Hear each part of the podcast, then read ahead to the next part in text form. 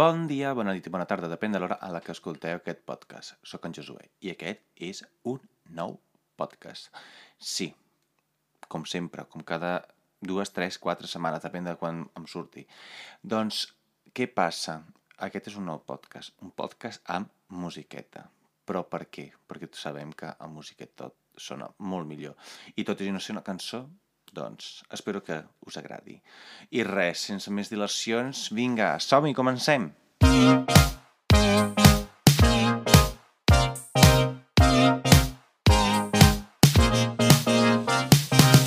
Molt bé, doncs avui us vinc a parlar d'un tema nou, com sempre cada setmana és un tema nou, però podria ser que per vosaltres no sigui un tema nou. Per què? Perquè mm, són persones diferents i llavors cada qual pensa, s'informa, investiga d'una manera diferent a la resta. Doncs avui us volia parlar de l'American Dream, però com que sóc una persona molt intel·ligent, segons Josué Costa, doncs he fet una connexió superinteressant i aquesta connexió ara us explico per què m'ha vingut.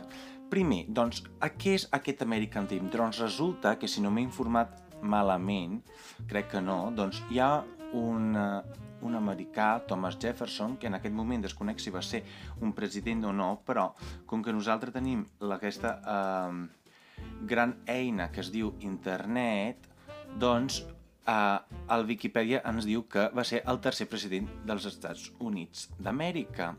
O sigui, resulta que aquest senyor va crear aquest terme o bé va dir uh, d'alguna forma, d'alguna manera, que l'American Dream bàsicament era que tota la gent que vivia dins, de les, dins de, dels Estats Units d'Amèrica, si s'esforçaven molt al llarg de la seva vida, treballaven molt dur i ho feien de debò, doncs arribarien a tenir molts... Eh, molta satisfacció, bàsicament, a la seva vida. Però resulta que això no ho dic jo, sinó que ho diu una periodista, un periodista, una periodista, Carol Graham, que eh, va escriure un article el 2017 al The Guardian que posa Is the American Dream really dead? Que si el somni americà està mort de debò. I el que explica és que mm, últimament doncs, eh, la gent pobra, tot i que estigui treballant molt, eh, és 20 vegades més pobra de la gent d'abans. I que hi ha molts problemes perquè aquesta gent pobra estadounidenca eh, creu que, eh, com es diu, que ells, pel sol fet de ser estadounidencs, doncs estan cobrant i guanyant menys caler que la mateixa persona que potser eh, és eh, d'Amèrica Llatina. És una cosa molt rara, però és molt americana. I bàsicament jo, en entrar en aquestes coses, doncs, no hi entenc res. I llavors per què us volia parlar d'això? Perquè l'altre dia resulta que mmm, vaig buscar el filming, al Netflix, a l'HBO, i, i ja està, em sembla, perquè no en tinc... Ah, sí, a l'Amazon Prime, doncs vaig buscar alguna sèrie que m'interessés. Però resulta que no n'hi ha cap. I estic esperant encara que surti a uh, Emily in Paris.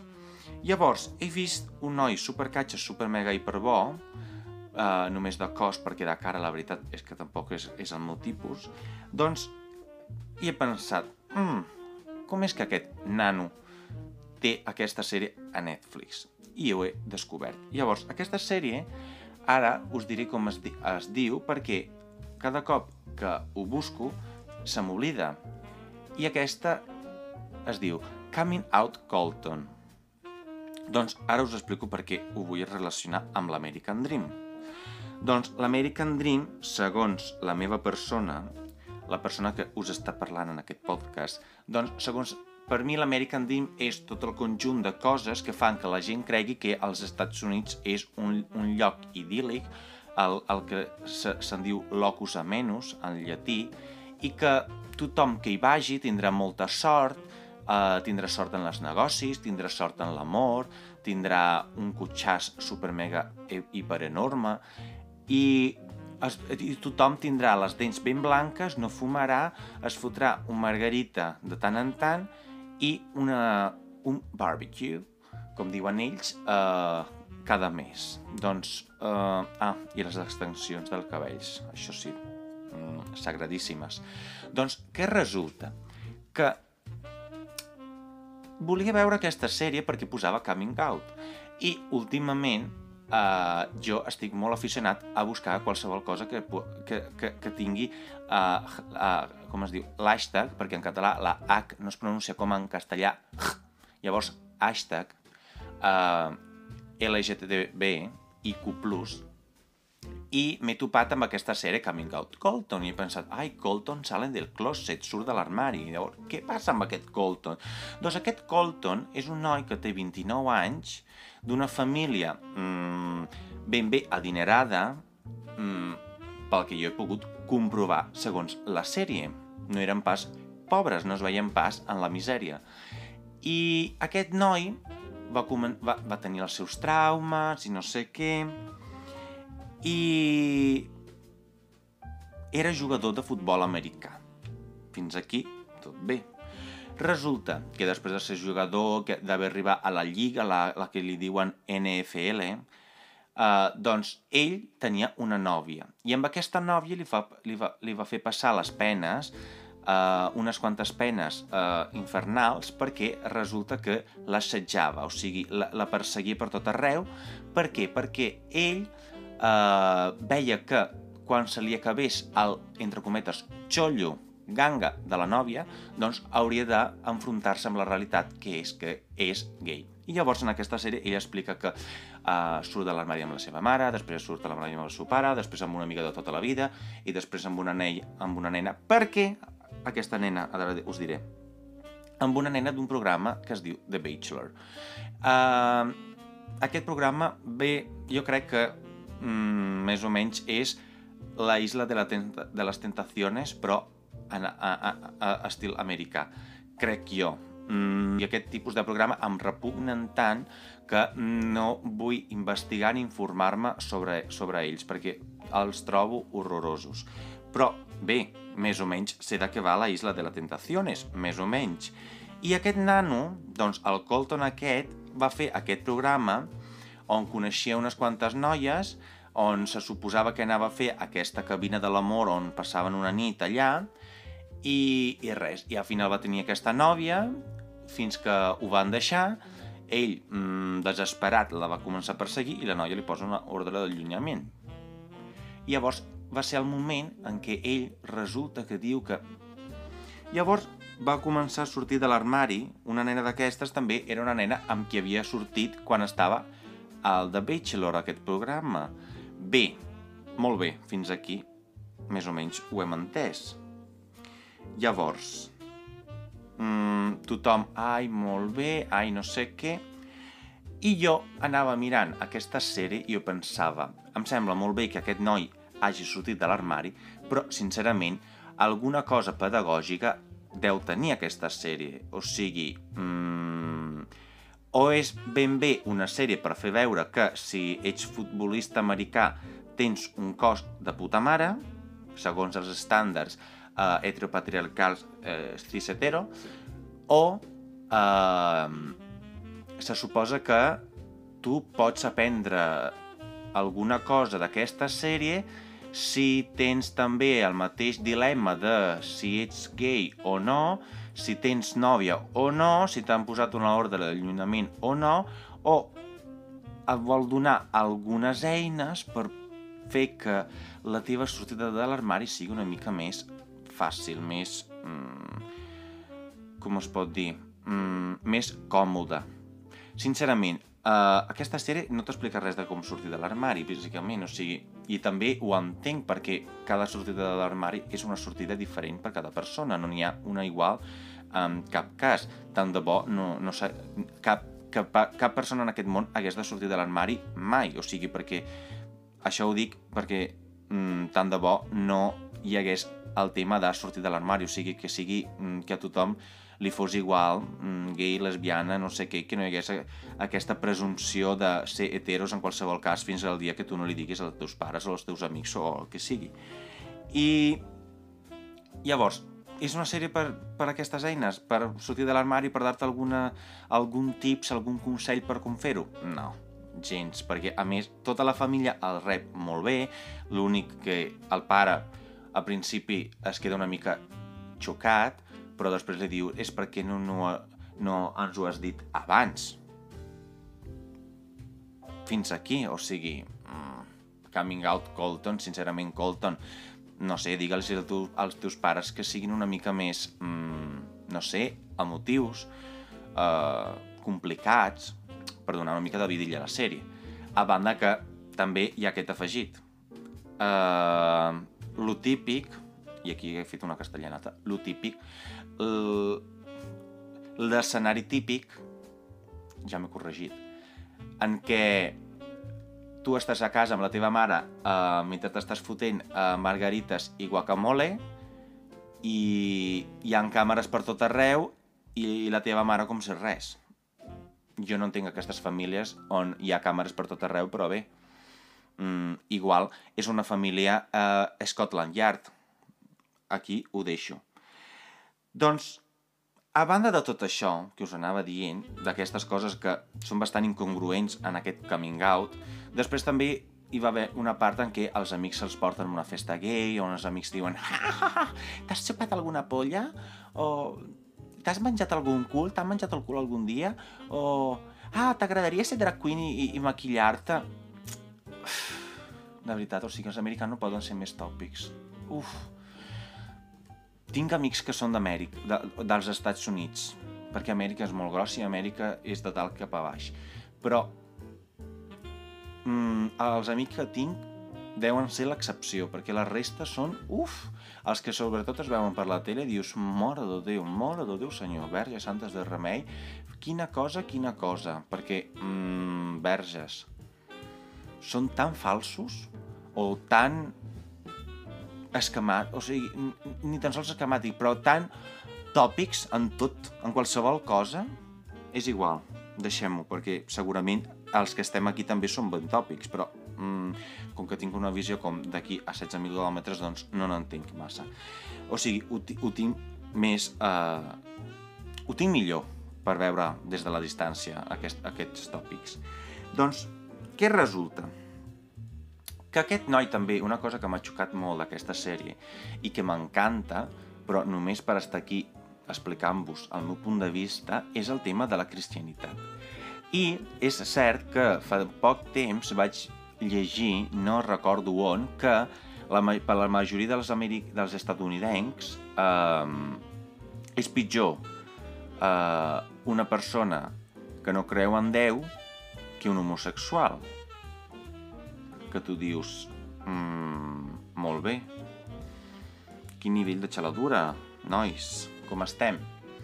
I llavors aquest noi, que jo, amb tot el respecte que dic això, només dono el meu punt de vista. Uh, aquest noi es veu que era molt cristià, que ell tenia molta fe. Però molta fe d'aquelles persones, com hi ha una escena, que es posen enmig d'un bosc i es posen a resar perquè han pogut anar a escalar, que eh, dir que escalar, que bàsicament era mm, una pujadeta a Collserola, la, la, la comparació més propera i més efectiva que podem tenir, però bueno, com que ja li diuen a escalar, bueno, és com aquí els de Barcelona que diuen hem pujat a la muntanya, on has anat a Collserola, dius, mm, que rar, que raro, es diu Coll Sarola, no sé, un coll, no acostum... bueno, ara igual m'equivoco jo de coll, però uh, coll, a no sé que vingui del llatí o de l'italià, on doncs sigui, per exemple, colle en italià és un turó, però bé. Doncs eh, aquestes coses, o per exemple que tenen aquest dilema existencial de que ells volen seguir sent americans, volen seguir sent gay i també sent eh, cristians que tu dius una cosa no impedeix l'altra, però per què hi ha tant dilema? Doncs perquè es veu que a Amèrica es porta molt aquesta cosa de tenir aquestes esglésies ben grosses que m'encanten si fossin de, de la comunitat negra, on canten, on hi ha la gent que riu i tot això. Els blancs, bàsicament, o sigui, som sossos. I jo primer ho dic, o sigui, som sossos. I els blancs americans, amb la majoria amb la polla tallada, perquè li tallen la polla de, de, de ben jove, són encara més sossos. Però bé, és igual. Uh, aquest noi tenia aquest dilema perquè volia ser gay i també ser cristià, perquè ell una cosa que no volia perdre era la seva fe en Déu. I em sembla estupendo. Resulta que un dia truca al pastor de l'església i el capellà aquest resulta que li va dir que, que bé, que, que ser gay, que, no, que això no entra a la Bíblia, que això és un pecat i que si ell creu en Déu és una relació entre ell i Déu i que molt bé, però que clar, que ser gay és un pecat com l'avortament i com eh, el divorci. I tu dius, mmm, un pecat? Vale, perquè tu diguis, capellà, aviam quants nens t'has ficat, ficat a sota la sotana o els has tancats allà darrere de l'altar. Però bé, eh, perquè clar, per l'església la pederàstia es veu que és un pecat només quan surt al llum, surt a la llum, però mm, abans no. Bé, um, res, que aquest noi li truca i al final el pastor li diu que ser homosexual és pecat. I clar, i estava destrossat per dins, perquè clar, com pot ser que ell sigui gay i sigui homosexual? Ai, quina xorrada que acabo de dir. Com pot ser que sigui gai i sigui cristià a la vegada i que el pastor li digui que no. Fins que arriba un moment que trobo que és un moment guapíssim de la sèrie, mmm, el millor, i podria ser mmm, canviat aquesta sèrie eh, en lloc de ser un reality, podria ser una sèrie de comèdia, quan surt el germà a casa d'aquest Colton i el germà li diu eh, has fet algun donatiu a l'església? I ell diu que sí, eh, disclaimer, uh, mare de Déu senyor, quin és el gilipolles que deixa calés a l'església amb tots els calés que tenen. A banda d'això, uh, i el Colton diu que sí, que va, que va fer un donatiu a l'església. I el germà, molt llest, li diu t'han tornat els calés? Com per dir, mm, si, ets, si ets un pecador i un pecat amb potes, t'han tornat els calés que vas deixar? I va dir que no. En fi, uh, ja veieu aquí l'església. Molt llesta, o sigui, ets un pecador, però els calés que ens has duixat, mm, ens els quedem. Mm. Fills de puta, tots. I fins que, bueno, vaig tancant aquest podcast perquè m'estic enrotllant com una persiana. Resulta que al final ell se'n va a una església i se'n va amb una església LGTBIQ plus friendly. Hi ha una, un pastor eh, que li diu que, que ser gay és, està, està, està, està bé. I, i ser cristià està bé també. I llavors ell es reconcilia amb si mateix i fins aquí, bàsicament i, i a banda li diu que si vol ser cristià i també seguir a la seva parròquia, doncs que no hi vagi i que la fe és una cosa entre una persona i Déu i fins aquí. Doncs tot això per dir-vos que he mirat aquesta sèrie amb, eh, amb un sol objectiu que era fer aquest podcast. Mentida cotxina. Perquè jo he mirat aquesta sèrie perquè el tio té unes tetarraques ben guapes, tant de bo tenir-les jo. I a més un tio molt alt, molt ben catxa, ben fornit, i la veritat que feia goig a veure. Però els americans trobo que la majoria estan mmm, bastant xalats.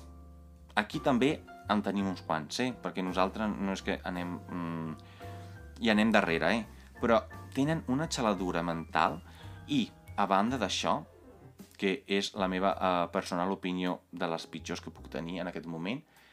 La segona és, um, sincerament, Netflix, deixeu de fer sèries d'aquest tipus perquè no ajuden a ningú, només ens, fa, ens feu veure que som pobres i que no tenim les dents blanques i les extensions al cabell. Mm, llavors, deixeu estar perquè no ajuden res. Si voleu veure una sèrie LGTBIQ+, de debò, i que ajudi i que tingui una mica de sentiment i que sigui propedèutic, bueno, propedèutic, que sigui pedagògica, aneu-vos a anar filming. Al Netflix, boicot per això. I fins aquí, un petó de meló. Adeu!